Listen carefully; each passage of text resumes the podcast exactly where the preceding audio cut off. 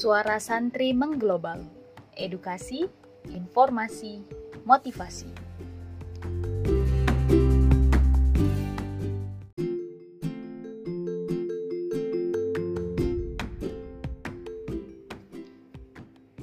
Paspor dan Robbana ma khalaqta hadza batila.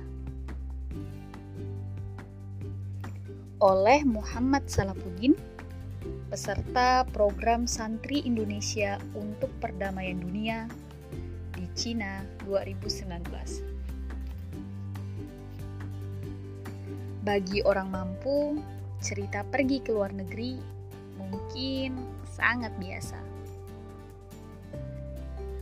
Tapi bagi orang yang kurang mampu, hmm, pergi ke luar negeri tentu sesuatu yang sangat luar biasa.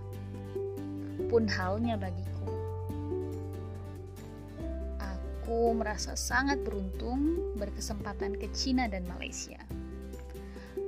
Dan itu dalam program yang dari namanya saja sudah sangat prestise.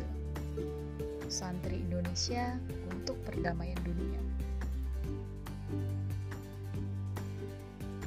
Baiklah, aku tidak akan bercerita tentang bagaimana kegiatan itu karena semuanya sudah kuposting secara berkala di status-status sebelumnya.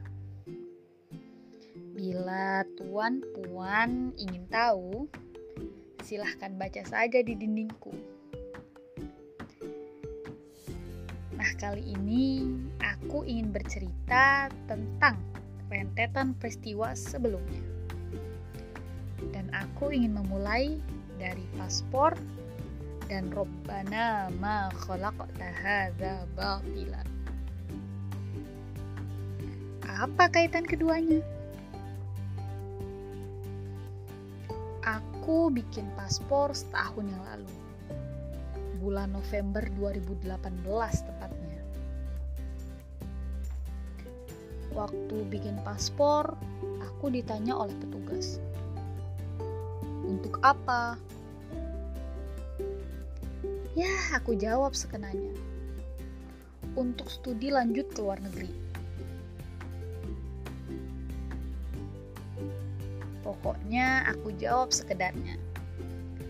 Yang penting, petugas punya alasan untuk membikinkanku paspor.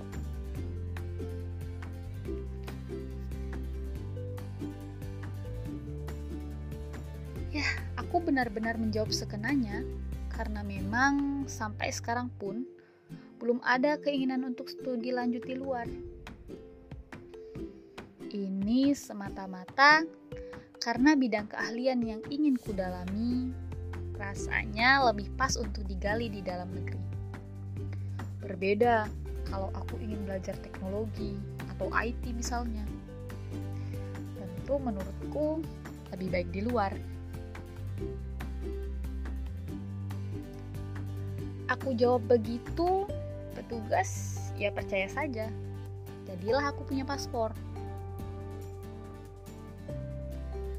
Waktu itu aku harus bolak-balik tiga kali ke imigrasi Semarang. Bikinnya itu di samping kantor pengadilan di Purwoyoso Semarang. Karena aku tidak tahu kalau di Manunggal Jati ternyata juga bisa bikin. Saat aku sudah punya paspor, barulah kemudian aku berpikir, untuk apa ini ya? Hmm. Ah, barangkali nanti ada yang mengumrohkanku. Aku benar-benar percaya diri waktu itu. Aku memang selalu berusaha membangun kepercayaan dirian yang kuat karena buat orang sepertiku yang anak orang biasa dengan ekonomi juga biasa saja, apalagi yang bisa kuandalkan kalau percaya diri saja tak punya. Tentu saja kita juga sambil terus belajar. Di tengah-tengah berpikir untuk apa, aku kemudian ingat satu hal Allah tidak menciptakan sesuatu apa pun yang sia-sia, yang tak ada gunanya. Rabbana ma khalaqta hadza batila. Aku benar-benar yakin dan percaya diri kalau aku bakal keluar negeri. Entah bagaimanapun caranya dan entah kapan waktunya. Patokanku satu. Allah tidak akan menjadikan sesuatu yang sia-sia, yang tak ada gunanya. Karena aku sudah bikin paspor, ya tentu karena Allah aku akhirnya tergerak bikin paspor, maka tidak mungkin paspor itu menjadi sia-sia. Akhirnya paspor itu kurapawali wirid. Kubacakan Rabbana ma khalaqta hadza batila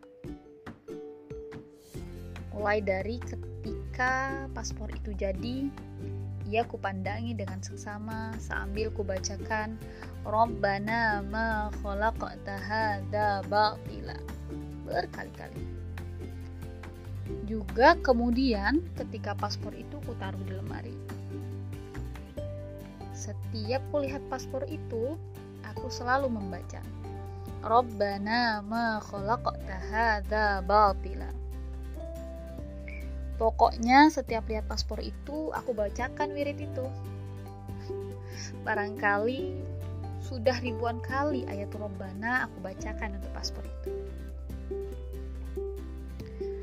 Dan benar saja, akhirnya satu tahun setelah pembuatan paspor, kesempatan keluar negeri itu benar-benar nyata.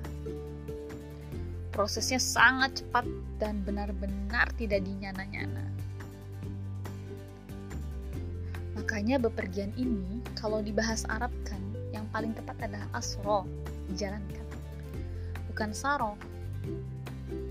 Kebetulan terbang ke Cina juga dilakukan di malam hari. Begitulah Allah. Aku tentu tidak menganggap ini semata-mata buah kerja kerasku. Ini anugerah Allah sekaligus ujian darinya dan banyak sekali pihak yang secara sirron atau alaniyah berperan memungkinkan terjadinya keberuntungan ini. Sungguh aku bersyukur mendapatkan kesempatan ini. Sebagai bentuk syukur itu, di Cina aku beribadah apa saja yang aku bisa. Tahajud, duha, hajat, membaca Al-Quran, baca wirid tamrotul kulub itu loh wiridan yang biasa dibaca di pondok futuhiyah. Dan lain-lain. Cina itu sangat besar. Penduduknya sangat banyak. Tapi yang bersujud kepada Allah tidak banyak. Dalam artian kebanyakan mereka tidak menyembah Allah karena itu, sujudku di Cina tentu jadi catatan sendiri buat malaikat. Apalagi aku datang dari tempat yang jauh.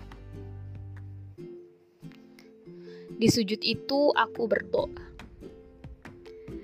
Ya Allah, anugerahilah hambamu ini untuk bisa bepergian ke mana-mana, ke berbagai negara agar bisa bersujud dan mengagungkan namamu. Kalimat ini benar-benar aku patri dalam hati. Karena jangan sampai aku keluar negeri hanya ingin bersenang-senang. Ala kulli hal, setiap orang punya proses yang berbeda-beda. Sampean-sampean juga tentu punya proses yang berbeda denganku penting kita selalu bersyukur kepadanya.